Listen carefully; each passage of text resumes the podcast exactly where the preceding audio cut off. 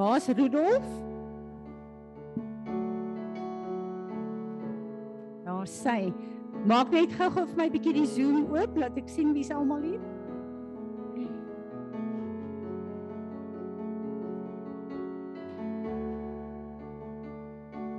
Goed, goeiemôre almal van julle, ook die mense op Zoom. Ek dink hulle skakel nog in. Dis so lekker om op 'n Sondag by mekaar te kom en te weet hierdie is 'n spesiale tyd wat ons het veral in Suid-Afrika waar ons op 'n Sondag by mekaar kan kom en weet meeste van die mense werk nie. Rudolf kom sommer vorentoe asseblief.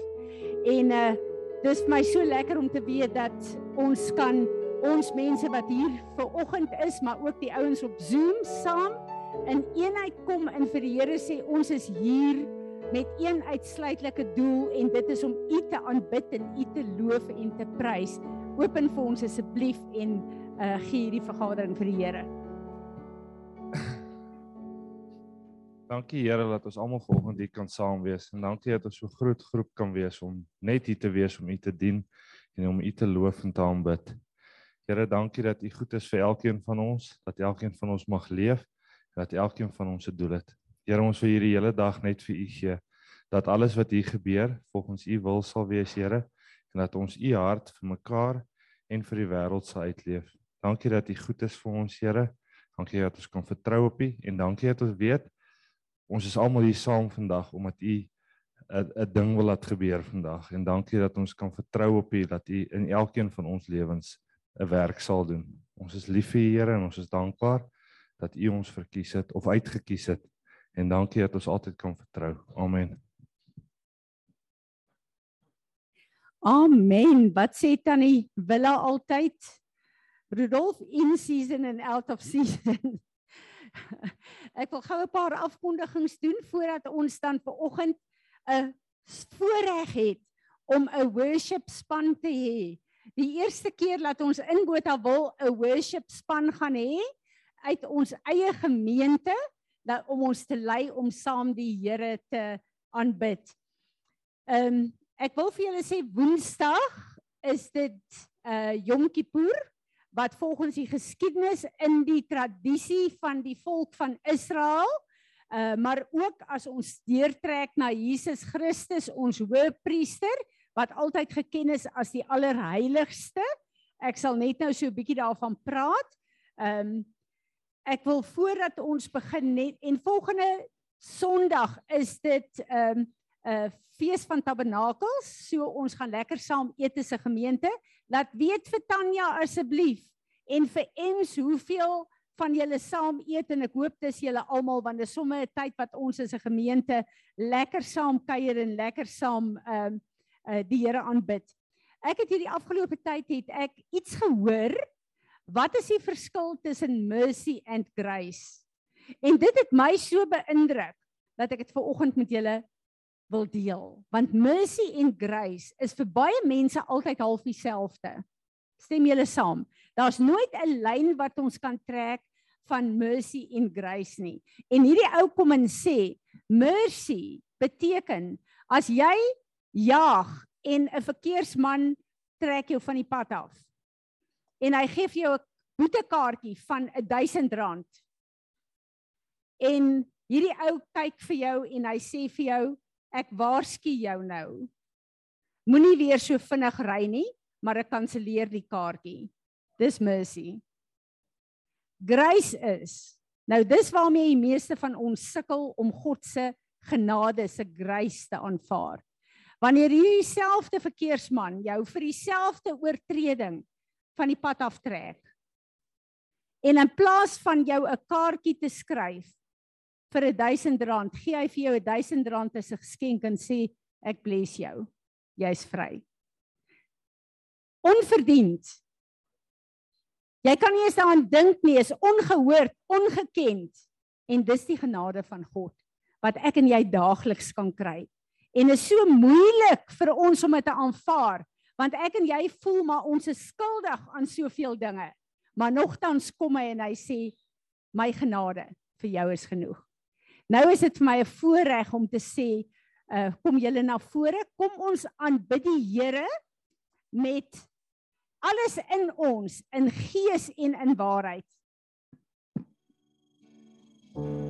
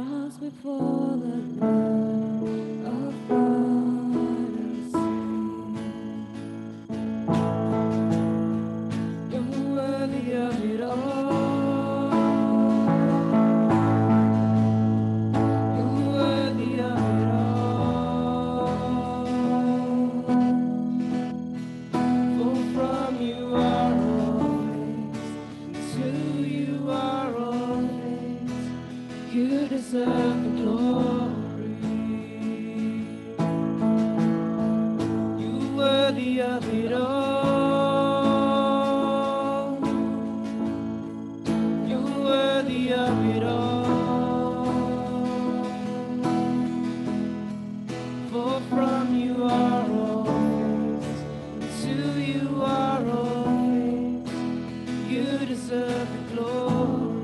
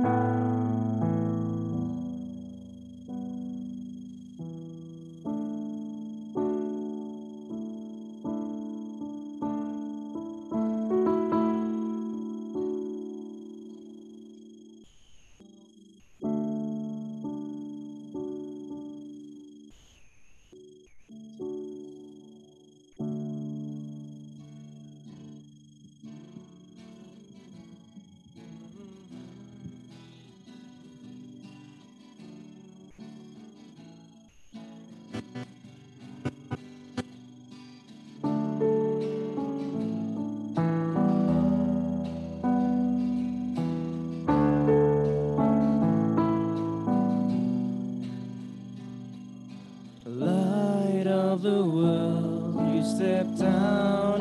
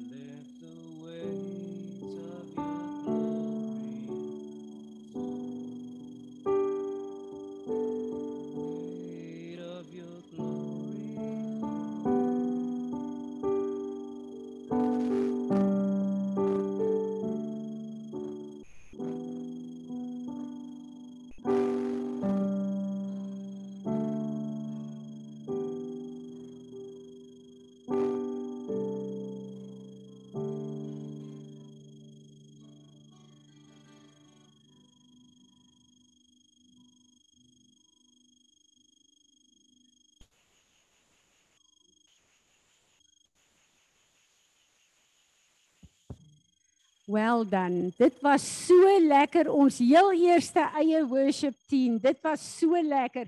Kom ons gee regtig vir die Here 'n hande klap.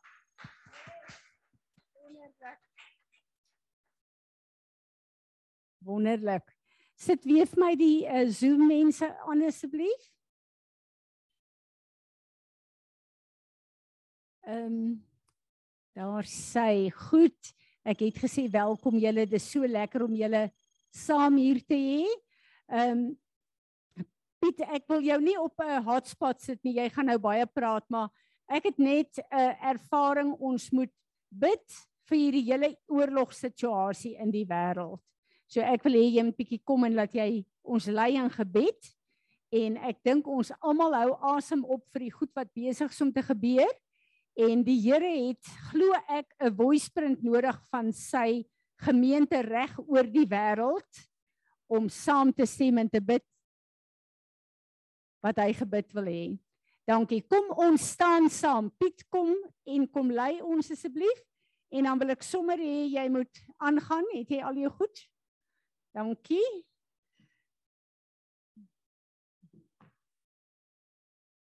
Maar ek dink dit is baie ernstig en ek wil vir julle sê ek weet nie hoeveel van julle uh kyk na die internasionale leiers wat weet waarvan hulle praat soos Amir Serfati en uh uh Ben Tsipiro sy naam. Uh as 'n mens kyk na wat hulle sê, dan gee dit vir ons riglyne waaroor ons moet bid. En ons kan nie terugsit terwyl daar besig is om 'n ernstige ding te te ontvou in die wêreld nie. Die Here het nodig om ons stemme uh te gebruik om te bid dat sy wil sal geskied.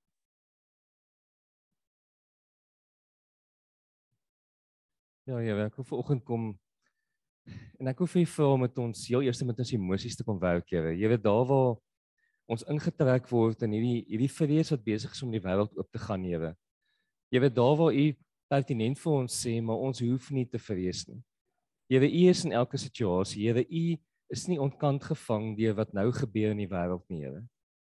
Here, en ek vir u vra dat dat u lig sal skyn in elke situasie wat nou besig is om in die wêreld te gebeur. Jy weet dat u met wêreldleiers sal werk en dat u met die mense sal werk wat wat vir daai wêreldleiers weet wat hulle help en vir hulle advies gee en wat en wat die navorsing doen weet. Jy weet dat daai ouens die konsultante weet die suiwerheid van u woord sal kry en dit deur sal gee vir die wêreldleiers jy weet dat wat ook al gebeur dat die besluite geneem sal begin word op grond van wat u sê Here en nie wat die vyand vir hulle sê nie Here weet ons is by 'n plek waar ons nie meer weet wat die waarheid is nie want een nuuskanaal sê dit en daai ene sê dit en dan se nog ons eie klomp eie opinies. Jy weet maar ek wil vra dat dat u suiwerheid hier sal deurkom en wat u sê rondom al die oorlogssituasies wat besig is om die wêreld te gebeur, weet. Al die konflikte wat besig is om aan te gaan. Weet dat u die mense se harte sal voorberei. Jy weet dat u met elke mens sal gaan in daai situasies. Weet dat niemand verlore sal gaan wat nog nie gered is nie, Here. Jy weet dat elkeen die geleentheid sal kry om gered te word, weet, voordat hulle lewens kort geknip word. Jy weet ek hoef vir vir as dit nie nodig is nie, weet dat u mense se lewens verleng in daai situasies. Jy weet dat mense hulle doel sou kan uitleef, weet, en dat mense werklik sou kan leef selfs in daai plekke ook. Jy weet want u sê vir ons u het gekom om lewe te gee en lewe in oorvloed. Jy weet dat daai mense ook u lewe in oorvloed kan ervaar. Jy weet ek wil net vra dat u die hele wêreld met u bloed sal toemaak en dat u lig sal skyn in elke situasie en in elke wêreldleier se hart sal inkom sodat hulle u wil sal begin uitleef, Here. Dankie daarvoor. Amen.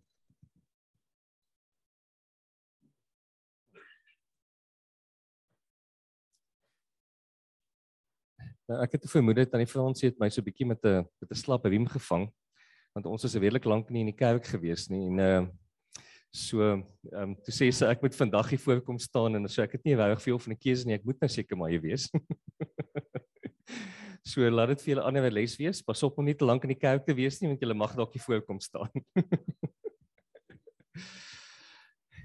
nou ek het 'n paar konsepte wat die Here nou al hele rukkie lank met my met my deur werk. En heel toevalliglik was ek by 'n hele klompie begrafnisse die laaste tyd gewees. En donderdag by een van die begrafnisse, toe sit ek daar en en ek hoor wat wat die mense sê rondom begrafnisse en ek hoor wat die die dominee sê rondom begrafnisse en ek moet eerlik wees dit verveel my verskriklik. En ek dink daar's 'n klomp leuns in hierdie goeters opgesluit. En terwyl die dominee besig is om te preek, praat die Here met my en en dit kom oor die basiese ding neer, wat is lewe en waarmee is ons besig in ons lewens? En ek en ek sit en wonder wie oor En daar's 'n interessante ding dan dan dink ons ja maar jy weet mense wat 1000 jaar terug gelewe het, jy weet is dood en mense wat 5000 jaar terug gelewe het, jy weet die mense is dood. Nou ek meen ons verstaan dat jy weet ons word gebore en ons gaan dood, maar is dit wat lewe beteken?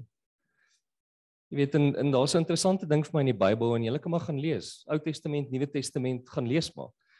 As hulle van ongelowige mense praat wat wat doodgaan, dan sê hulle die mense is dood. Punt. Daar's nie 'n seremonie rondom dit nie. Daar's nie 'n verskriklike groot verduideliking nie. Hulle sê net plain die mense is dood. Maar wat interessant is as gelowige mense, jy weet, tot sterwe gaan, jy weet hulle fisiese liggame staan daar, hulle het ontslaap. En jy kan maar aan die woord gaan kyk. Daai woord beteken die mense is nie dood nie.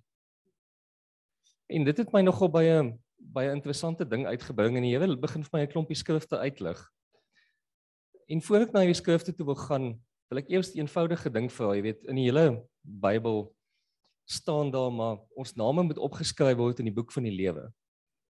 Nou as dit moet gebeur, beteken dit seker ons moet eers lewe voor ons name in die boek van die lewe opgeskryf kan word. Nou hoe kan dit wees as ons almal hierso sit en ons haal dan asem? Jy weet, kan dit dan beteken daar 'n stadium in ons lewe is wat ons nie regtig lewe nie? En ek wil hierso skrifte uit Johannes uit vir julle vir julle gou kom lees met Johannes gekry. En ek wil begin met 'n ding wat ons almal baie ken en baie mense quoteer hierdie hierdie skrif. En ek wil hê julle moet dit baie mooi mooi luister. Johannes 10 vers 10. Die dief kom net om te steel en te slag en te verwoes. Ek het gekom dat hulle kan lewe en oorvloed kan hê. Nou die Engelse vertaling, jy weet, sê dit baie mooi. Hulle sê maar die Engelse vertaling sê dit baie duidelik dat jy weet Jesus het gekom sodat hy kan lewe gee en dan lewe in oorvloed. En dan is jy jy weet 'n baie eenvoudige ding maar as Jesus nou kom lewe gee, jy weet ons het dan nog gedink jy weet as die dag as jy gebore word, haal jy asem en ons lewe. En nou wil ek aangaan met met Johannes ehm uh, Johannes 14 vers 6.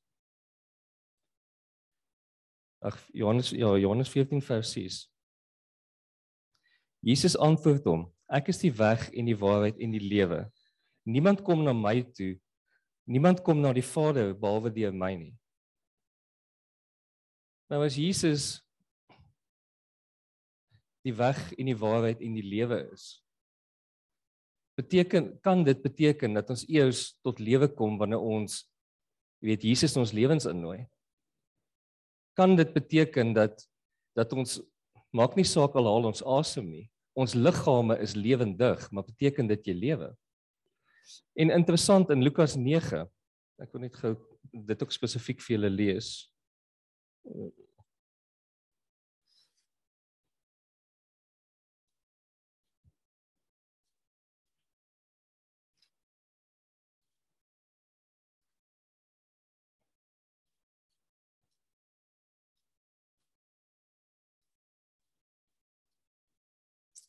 In Lukas 9 vers 60.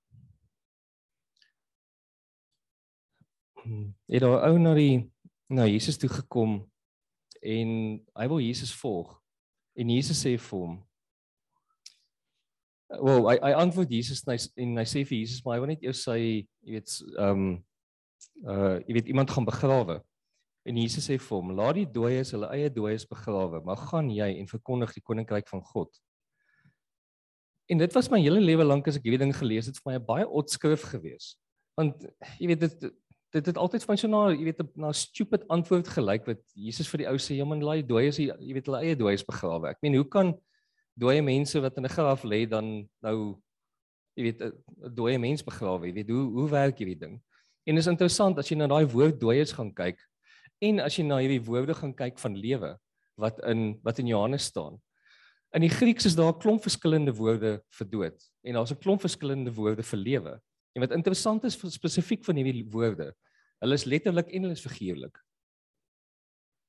Wat interessant is hiervan dat Jesus letterlik en figuurlik vir die ou sê maar laat die dooie mense die dooie mense begrawe. Met ander woorde Jesus sê hier baie duidelik maar daar's mense en hy praat hier heel moontlik van sy familie want ek meen ek dink hy ek dink is sy pa wat hy gesê het hy wil gaan begrawe. So ek meen hy praat hierso van sy spesifieke familie wat hy sê dood is. Nou ek meen die kort ding hiervan is, jy weet die Bybel sê dit nie vir ons nie, maar ek imagine dat Aaron se die ou die evangelie gehoor. Maar hy moes obviously die evangelie gehoor het, jy weet saam met sy gesin en saam met sy mense rondom hom. En hy het die evangelie aanvaar. Hy het Jesus aanvaar en gesê maar ek gaan vir Jesus volg. Die ander het die keuse gemaak om dit nie te doen nie. En is baie interessant dat Jesus 'n baie jy weet sterk skeiding hier maak van die ou lewe maar daai ou is dood. Jy weet en dit het die volgende ding by my uitgebring, jy weet wanneer wanneer begin die ewigheid? Want ons het met hierdie met hierdie konsep van lewe en dood, jy weet dink ons maar jy weet die dag as jy gebore word, jy weet lewe jy. Maar ja, jou jou liggaam is lewendig. Maar as ek mooi na hierdie skrifte kyk, dan beteken dit ons lewe eintlik eers die dag wanneer jy jou lewe vir die Here gegee het. En daai ding kan ek nie vir julle sê nie. Dit is 'n vraag wat ek vir julle wil vra, maar luister, is julle besig om te lewe? Ja of nee? En dis 'n ding wat jy self met die Here moet gaan uitsorteer want hierso is 'n daadwerklike implikasie rondom dit in terme van ewigheid. Want wanneer jy weet wat is ewigheid en wanneer begin die ewigheid? En met ons konsep van lewe en dood dink ons maar jy word gebore, jy is nou lewendig en ergens kom jy tot sterwe en dan gaan jy in die ewigheid in. Maar dis nie die waarheid nie. As ons die konsep van ewigheid verstaan, ewigheid beteken ewigheid. Ewigheid het al begin en dit gaan tot in jy weet oneindig. Wat beteken ons is besig met ons ewigheidslewe? Dis 'n konstante ding wat met elke mens gebeur. Ewigheid is 'n konstante tyd wat in elke mens se lewe gebeur. Nou ons almal is besig met ewigheid wat ons wel kan kies of ons in daai ewigheid dood of lewendig gaan wees. En nou is hier jy weet 'n baie interessante ding rondom dit en ek dink dis een van die groot leuns wat jy weet wat godsdiens vir ons vertel wat ek so baie by die begrafnisse die laaste tyd gehoor het is dat ja maar ons het met niks in die wêreld ingekom nie en ons gaan met niks uit in die wêreld uit nie ek dink dis een van die grootste leuns wat vir ons vertel word en dit het 'n daadwerklike invloed op hoe ons nou lewe. Want sien, die probleem is as ek vir Erik vra hoe gaan dit met hom? Meeste van ons wat ons eintlik sê is wat gaan aan in my bankbalans? Wat gaan aan in my besigheid? Wat gaan aan in my huwelik? Wat gaan aan met my kar? Wat gaan aan jy weet met my huise reparasies? Dit bepaal gaan dit goed met my of gaan dit sleg met my? Want sien ons het ons identiteit gebou rondom die funksie van lewe en nie lewe nie. Geld is 'n funksie van die lewe. 'n Kar is 'n funksie van lewe. Dis nie jou lewe nie. Net soos wat tandeborsel 'n funksie van lewe is, want jy wil tog skoon tande hê. Maar tandeborsel is nie jou lewe nie. Eet is nie jou lewe nie. Dis 'n funksie van lewe. Jesus sê vir ons tog baie duidelik in die woord dat die lewe is baie meer as eet en besittings. Maar die probleem is ons het so materialisties geword dat ons dit nie ons agterkom nie. Ons het ons lewens ingerig met goed wat hier rondom ons gaan. En nou is die probleem, ons worry nie eintlik vreeslik daaroor nie want wat is die punt? Ons vat tog niks saam as ons eendag doodgaan nie. Maar dis nie die dis glad nie die waarheid nie. Ek meen Matteus 6:20 sê vir ons maak vir julle skatte in die hemel bymekaar. Jesus sê dit. Jesus sê maak skatte in die hemel bymekaar. Ek meen dit beteken tog ons vat iets saam. Dit beteken nie ons gaan met ons gaan met niks hemel toe nie. Ek meen 1 Korintiërs 3 vers 12 tot 13. Jy weet, praat Paulus en hy sê maar ons bou met goud, silwer en miskien moet ek dit net net gou lees want dit is eintlik 'n baie interessante interessante skrif daai. 1 Korintiërs 3 vers 12. En as iemand op die fondament bou, goud, silwer, kosbare stene, hout, hooi, stoppels. Elkeen se werk sal aan die lig kom, want die dag sal dit aanwys omdat dit deur die vuur openbaar gemaak word en die vier sal elkeen se werk op die proef stel. Wat tog beteken ons vat iets saam. Ons gaan nie met leë hande in die hemel in nie. Nou wat daai werke is, kan ek nie 100% vir julle sê nie. Persoonlik vir my het daai werke te doen met die doel wat jy geskaap is op hierdie aarde en die identiteit wat jy het in Christus.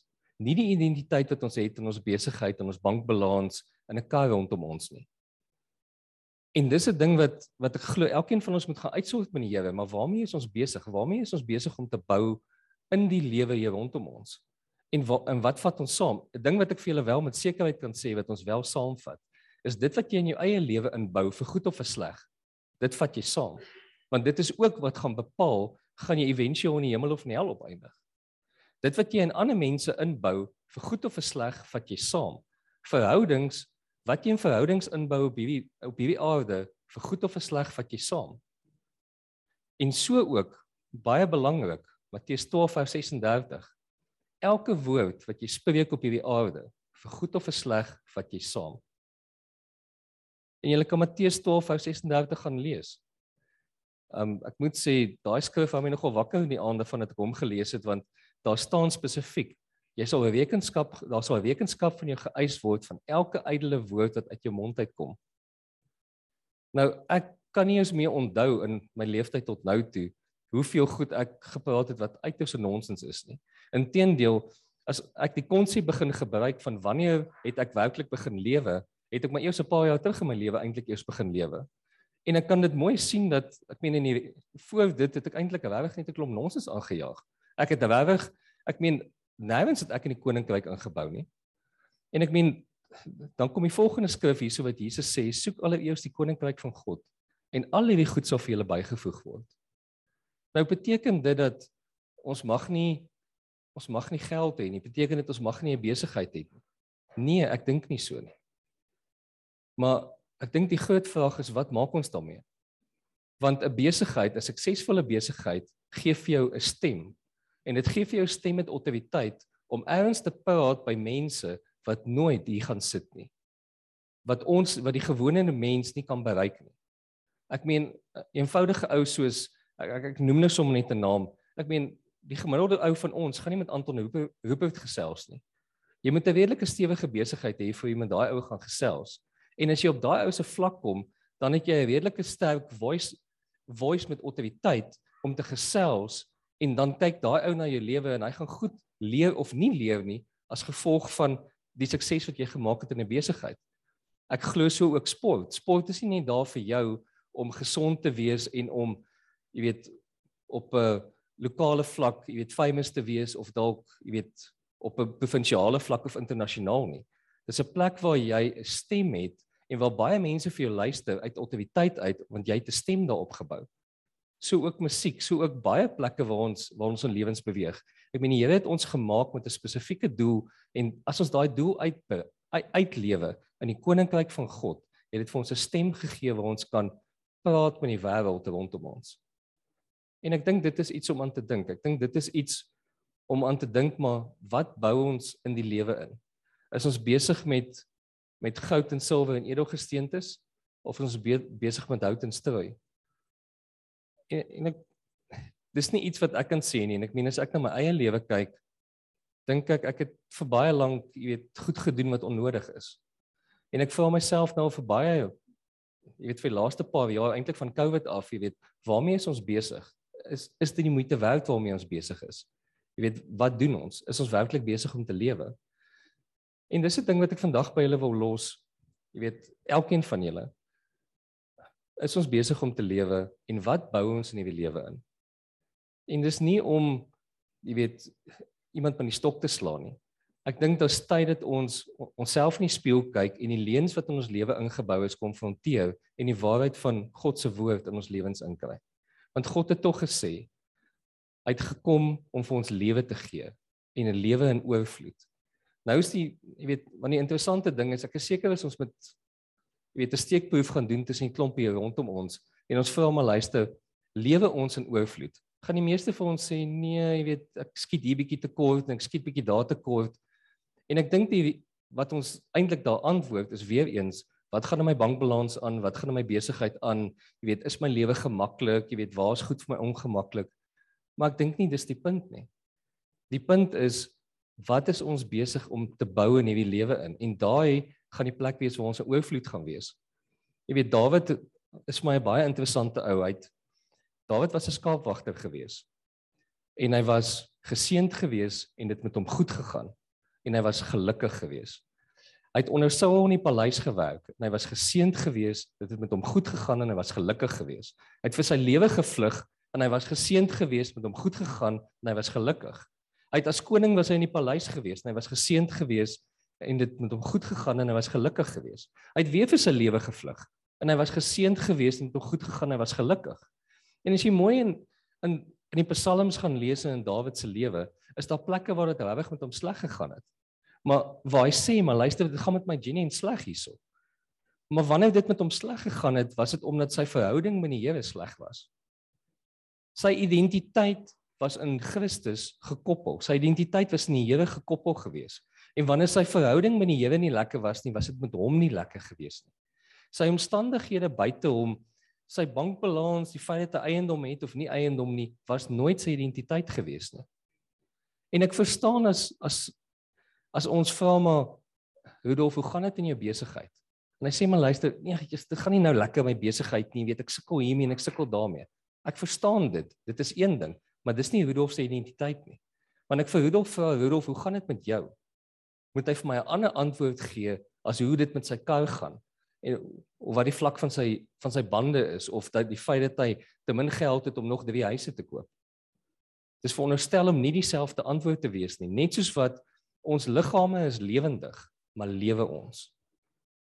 Dit is nie dieselfde ding nie en ek dink ons moet hierdie onderskeid begin verstaan in waarmee is ons besig in, in die ewigheid in. Ons is besig met die ewigheid. Wat bou ons in die ewigheid in? Wat vat ons saam in ons ewigheid in? En dan kan ons kies, gaan ons lewendig wees in die ewigheid of gaan ons dood wees in die ewigheid? Dis ons keuse. En as ons mooi gaan kyk na die grond waaroor ek nou jy weet die vorige keer gesels het. Een van die plekke is daar's grond met met 'n harde kliplaag aan die onderkant. Daai grond het spesifiek te doen met die lekkerte van die lewe en die verleiding van hierdie lewe. Nou daai skrif is vir 'n baie goeie rede vir ons gegee. Ons is nie verwewe bo dit nie. Ons is ons jaag ook maar die gemak en die lekker goed van hierdie lewe saam. En ek dink nie dit is noodwendig verkeerd as ons eers die koninkryk van God soek nie. En ek dink daar's 'n bepalende faktor. Is ons besig om die koninkryk van God in dit te soek of is ons nie?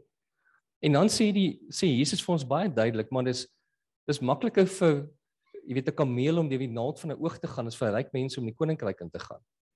En nou is die eenvoudige ding, nou kan ons nou kan ons vir ons vra, ek het altyd gedink maar hierdie skrif het nie eintlik jy weet van is van toepassing op my nie want ek is mos nou nie ryk nie. Jy weet wat maak dit nou saak? Maar dis dan die probleem. Wat is die definisie van rykdom? En as jy rykdom najag, maak nie saak of jy nie twee rand op jou naam het nie. As jy rykdom najag, val jy nie maar in dieselfde kategorie nie lê nie maar in dieselfde plek van die verleiding van hierdie wêreld dat jy daarin ingetrek word en, en eintlik word jou identiteit mammon en jy gaan agter mammon nie. En Jesus sê vir ons baie duidelik, jy kan nie twee Here dien nie. Dis of mammon of ek. Geld is nie 'n slegte ding nie, maar dis 'n funksie van lewe. Dis nie ons lewens nie. En ek wil dit by julle los. Daar's 'n klomp goed in ons lewens wat ons doen wat maar net 'n funksie van lewe is. Dis nie ons lewens nie. En ek dink vir die volgende week wat kom, is daar 'n plek wat ons bietjie moet begin stokvat van die leuns wat in ons in ons is en die leuns wat die wêreld vir ons vertel het. En ons moet begin kyk maar wat is 'n funksie van lewe en wat is my lewe? Wat bou ek in in hierdie lewe in? En onthou, die Here het ons nie met leë hande in hierdie wêreld ingestuur nie. 1 Korintiërs ag um 1 Korintiërs nie 1 Efesiërs 4 weet vers 4 sê vir ons baie duidelik. Die Here het ons beplan voor die grondlegging van hierdie aarde. En ons almal weet baie mooi, maar as ons kinders het en soos wat hulle soos wat hulle groot word, kan jy baie duidelik sien maar hierdie kind se se talente is dit en hy's goed met hierdie en hy's goed met daai. Baie duidelik het die Here ons nie met niks in die wêreld ingestuur nie. Hy het ons met iets in die wêreld ingestuur wat aan ons doel gekoppel is hoekom hy ons op hierdie aarde gesit het. Wat gekoppel is aan dit wat ons veronderstel om in te werk in hierdie aarde.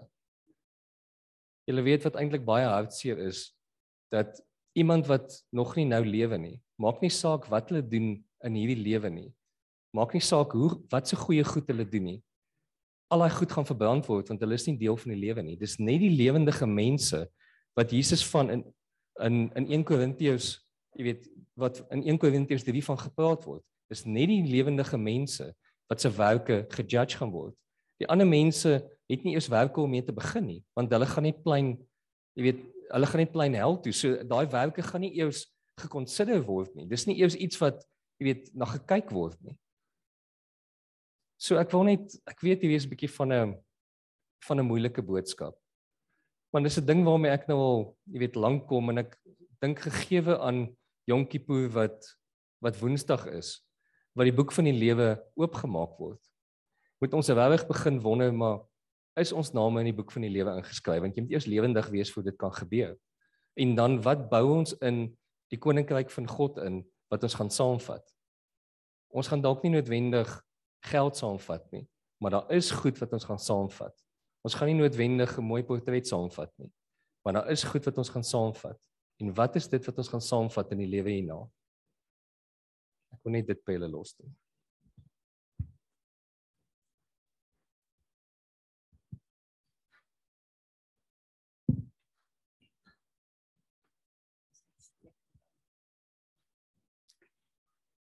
Dit was 'n uitstekende nodige konfrontasie gewees. Dankie Vader. Ek wil dit verder trek terwyl Piet homself nou op die spot gesit het. As ons nou vir Piet vat en jy vat Leandri en die kinders weg. Jy vat sy familie weg. Jy vat sy besighede weg. Jy vat sy besittings weg. Sy jy kan nie meer praat van 'n chequeboek nie. Sy finansies weg. As jy Piet vat en jy laat hom hier voor staan en jy haal alles weg wat ons dink wat waarde aan Piet gee. Dan bring dit my deur dit wat Piet ver oggend gesê het by dieselfde vraag wat Jesus vir Petrus gevra het. Petrus, wie sê jy is ek? Ek bedoel, hoe lank het hulle saam gelewe? Hulle het mekaar baie goed geken. Uh Petrus het seker seker vir hom gesê maar maar jy's Jesus. Jy's my vriend, jy's my meester, jy's my leermeester, jy's my teacher, jy's my En hy sê vir Petrus, Petrus, wie sê die wêreld is ek? En God moes die openbaring gee, jy is die Christus. U is die Christus. As ek en jy vandag gestroop word van alles wie die mense dink ons is deur wat ons bereik het in die lewe. Eugene, sy praktyk, sy as al daai goed gestroop word, as Mariet en die kinders van hom geskei word. Wie is Eugene? En dan wil ek by hierdie hele vraag kom. As ek hierdie vraag vra, wie is Piet?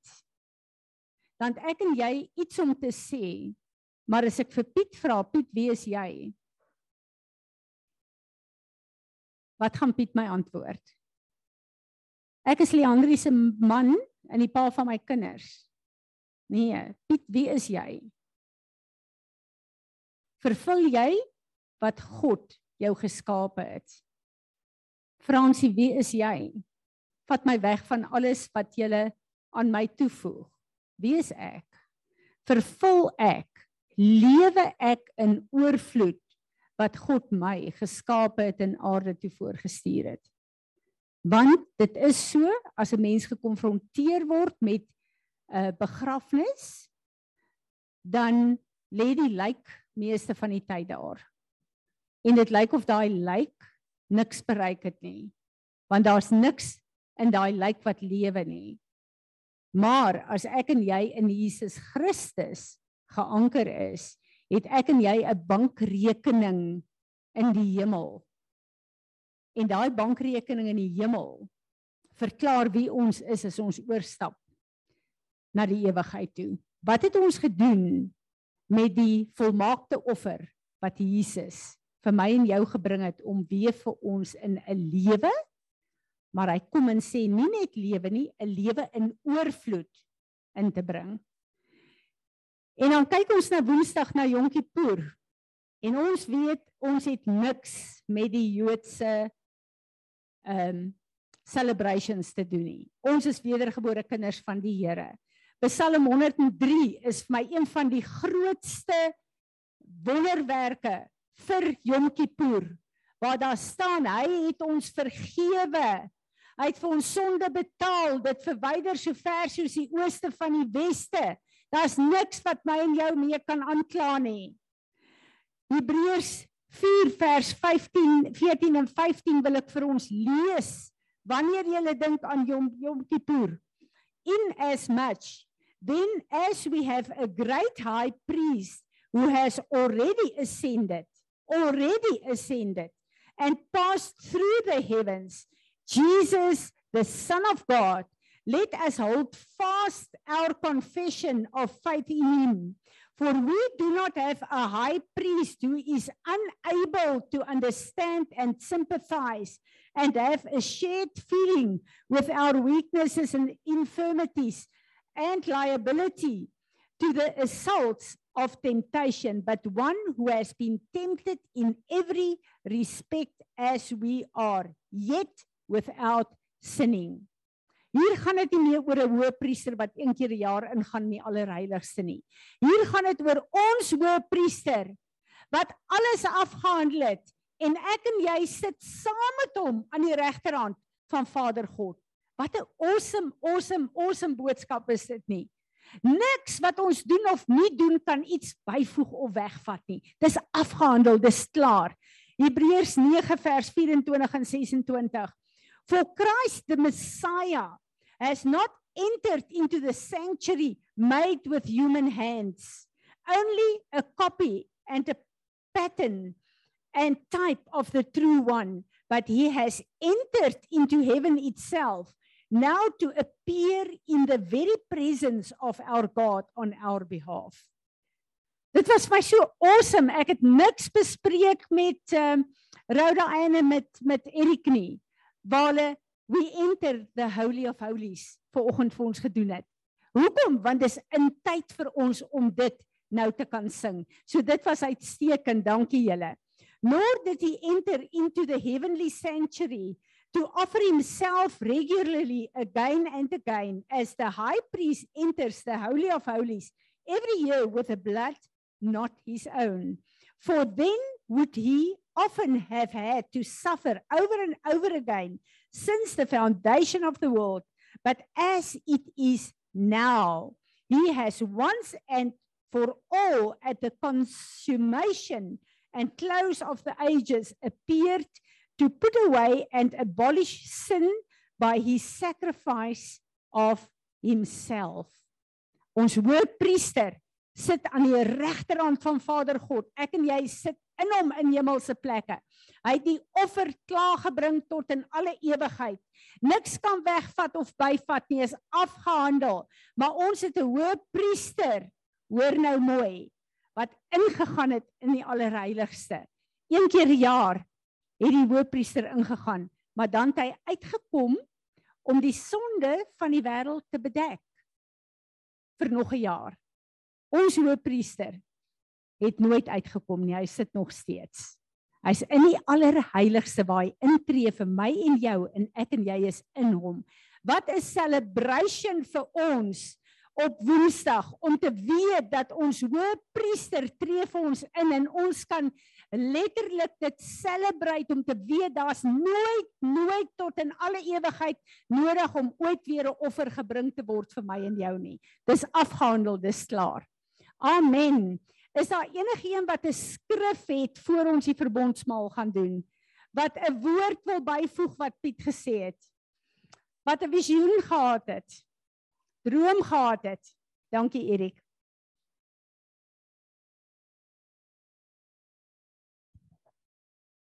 Om by te voeg met wat Piet gesê het, ek is die laaste ruk besig om 'n storie te skryf. En soos wat die storie nou begin evolve en ek 'n tema begin soek het vir die storie, het ek die tema is nou the tragedy of life isn't death because we're all going to die. The tragedy of life is that most pe- people lack the courage to live it. Wow, dis presies waaroor ver oggend se boodskap gegaan het. Wow. Dankie Johan. Ja, ek het ver oggend die voorreg om te praat oor communion en uh, ek en my ma sit ver oggend bietjie en praat oor communion en oor waaroor communion gaan en ek besef twee dinge. Dit gaan oor sacrifice en dit gaan oor 'n covenant. Nou as ek praat oor covenant, dan dink ouens ja nee man, dis Ou Testament of Nuwe Testament. Snaaks genoeg, Ou Testament en Nuwe Testament beteken covenant. Wanneer jy trou, beteken dit covenant. Wanneer jy in 'n vriendskapsverhouding staan, beteken dit covenant. Vir die ouens wat vir baase werk, ongelukkig wanneer jy werk vir 'n baas, staan jy in covenant. Nou ons het die voorreg om ambassadeurs van die koninkryk te wees. Uh 2 Korintiërs 5 vers 20. We are ambassadors of the kingdom, but being a family and being a body, we are ambassadors of each other. Ons besef dit nie altyd nie. Ons dink altyd ons kan presies doen net wat ons wil. Ons kan maak soos ons wil, die ou wat langs ons is wat 'n Christen is, wat 'n broer in Christus is, oor hom gee ons nie om nie. En ongelukkig is ons mense wat fallible is. Ons maak foute. Ek hou van Dr. Hurt wat altyd sê, hy sê, voel gou vinnig bietjie. en Dit is dalk 'n oefening wat ons gou vinnig kan doen. Nou wat voel julle? Voel julle engelvlekkies of voel julle gewone vlekkies? Ek voel definitief nie engelvlekkies nie. Hy sê as jy nie engelvlekkies voel nie en jy gewo eh, voel gewone vlekkies, jy gaan nog Sondag, prys die Here, jy het hom nog nodig. As jy nou engelvlekkies het, is dit 'n ander saak, dan is jy nou al klaar in die ander gedeelte van ewigheid soos wat Piet gesê het.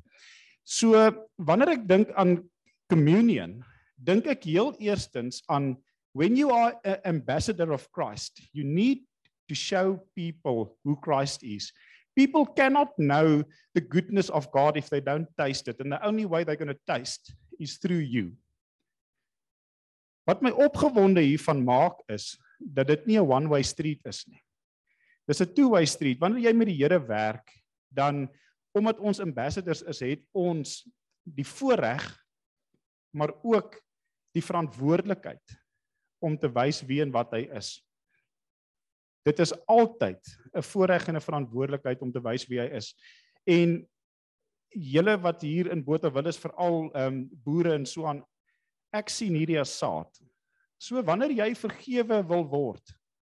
Ons maak baie foute en ons het ek het persoonlik het baie vergifnis nodig. Ek maak elke dag foute. Wanneer jy daai saad saai van vergifnis, kry jy 'n oes van vergifnis.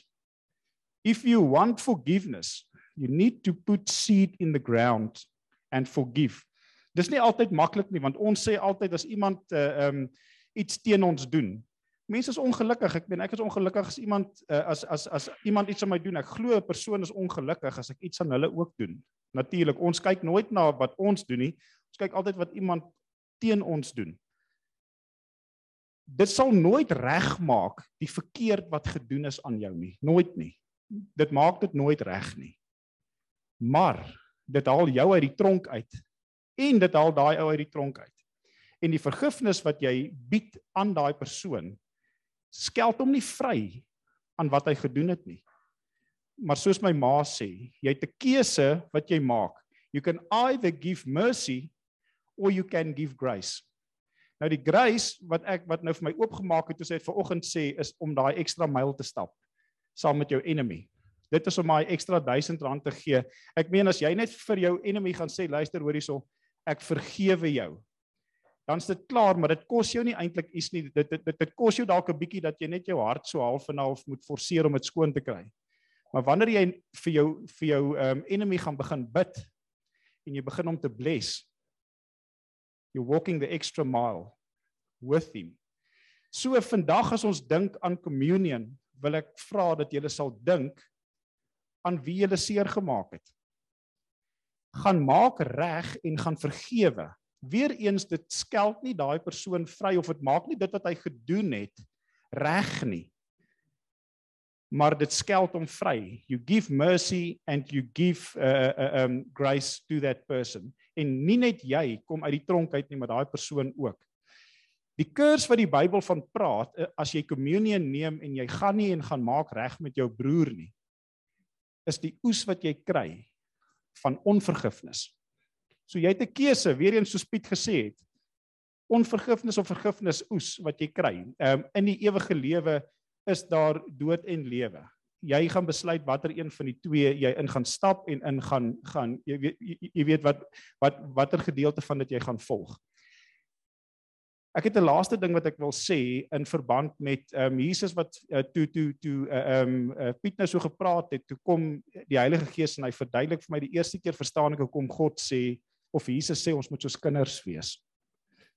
As jy kyk na 'n kind, ek kyk na my kinders. Ek het 'n uh, ehm um, uh, uh, hulle het sommer vinnig as daar 'n nuwe maatjie kom, hulle ken hom van geen kant af nie. Hy kan van watter ras ook al wees. Hulle as jy spur toe gaan en jy gaan sit, jou kind speel met enige maatjie wat daar is. Dis net ons wat mense in kategorieë as jy bietjie ouer raak dan begin jy mense in kategorieë te plaas. En daar was 'n interessante storie gewees of 'n testimony van iemand wat 'n braai gereël het met mans. Nou ehm um, die enigste reël met daai braai was dit gewees. Jy mag nie sê wat jy doen nie en jy mag nie sê wat jy het nie. Jy kan na die braai toe kom, jy mag net nie sê wat jy doen nie, jy mag nie sê wat jy het nie. Die ouens kom toe en is nou 'n lekker gekuier en is 'n gebraai en niemand weet wat niemand doen nie. Niemand weet of een 'n dokter is en of een 'n boer is en een jy, jy weet mag glad nie weet nie. En daar's 'n groepie ouens wat regtig mekaar geniet. Hulle vind aanklank by mekaar en hulle hier begin hulle lekker te kuier en hulle sê sommer luister ons gaan 'n WhatsApp groepie begin ons gaan nou hulle noem die WhatsApp groepie wat se naam hulle dit ook al noem brothers of wat jy ook al dit wil noem en hulle begin net lekker oor WhatsApp te kuier. Man, hulle geniet mekaar en die volgende ding reël hulle 'n jagtrip. Hulle sê nee, ons moet nou saamkom. Een braai is nie genoeg nie. Ons moet mekaar kom, ons moet lekker kuier. En een van die ouens sê ek sal dit nie kan maak nie, manne. Ek het nie genoeg geld om dit te kan maak nie. En hulle sê nee man, maar jy is die lewe van die partytjie. Jy is die een wat ons saam mee tyd wil spandeer. Jy is die lekkerste ou tussen almal van ons. Hoe kan jy nie kan ons nie 'n plan maak nie? Ek sal vir jou betaal. En een van die ouens op die groep praat met hom net in in in privaatheid en hy sê luister, ek sal regtig vir jou betaal kom en die ou sê man ek is te skaam, ek kan nou nie. Hy sê man, ek sal vir jou betaal. Hy's en hy vra hom die vraag. Hy sê ek weet ons mag nie vra wat ons doen nie, maar ek dink ons is nou al vriende. Wat doen jy? En hy sê ek's 'n karwag. En die ou wat wou betaal is 'n CFO van 'n groot company. Interessantheidsgewys as ons daai kategorieë gestel het van wie en wat jy is en wat jy ry en wat jy doen. Twyfel ek of daai CFO en daai karwag vriende sou gewees het en ek besef wat die Here praat van kinders. Be like children. Geen nie om of my pa ryk is en jou pa arm is nie. Ons speel. Dis ons wat baie keer na ons kinders toe kom en sê ek dink nie jy mag met daai kind speel nie as gevolg van of as gevolg van ras of as gevolg van wat ook al as gevolg van ons preconceived ideas. So nie net is dit covenant nie, maar dit is saad ook. En ek wil hê julle moet daaraan dink en net 'n tydjie vat voordat jy hierdie neem in remembrance of what God has done and the sacrifice he's done for us. En net sê, Here, ek het 'n probleem. Ek het 'n probleem met hierdie ou uit my seer gemaak. Ek vergewe hom en ek vra dat U asseblief hom sal bless. Want vergifnis moet met 'n blessing ook kom. Dit is wat ons nie altyd wil doen nie. Ons sê ek vergewe maar ek vergeet nie. Kan nie vergeet wat die ou en my gedoen het nie baie baie belangrik if you want a blessing after forgiveness you give a blessing after forgiveness Here ek prys U naam en ek sê dankie vir die voorreg dat ons U kinders kan wees ek sê vir baie baie dankie vir die besluit wat U gemaak het om in covenant met ons te staan en vir die ultimate price wat U betaal het om in covenant met ons te staan. Dankie Here dat U ons so hoog ag dat U U lewe vir ons gegee het en dat U gegaan het en die prys wat ons moes betaal het op U self geneem het. Ek prys U naam daarvoor Here. Ek wil kom en ek wil soos die Bybel sê, I will bring this in remembrance what you've done and I want to press the replay button so that everyone can see what you have done so that they will know that you are victorious and that you will forever be victorious in net in case die geesteswêreld vergeet het wat u gedoen het. Besluit ek vandag weer eens deur dit wat gebeur hierso net om die replay button te druk en net te sê dis die God wat ek dien dis wat hy gedoen het. Ek wil net gou vinnig weer vir julle wys wie en wat my God is ek prys u naam daarvoor gesinne en families asseblief gaan ons ek weet nie hoe maal dit doen nie gaan ons kom hulle vorentoe of gaan ons net deel sommer net uit okay nie 100% wie ook al uitdeel asseblief baie dankie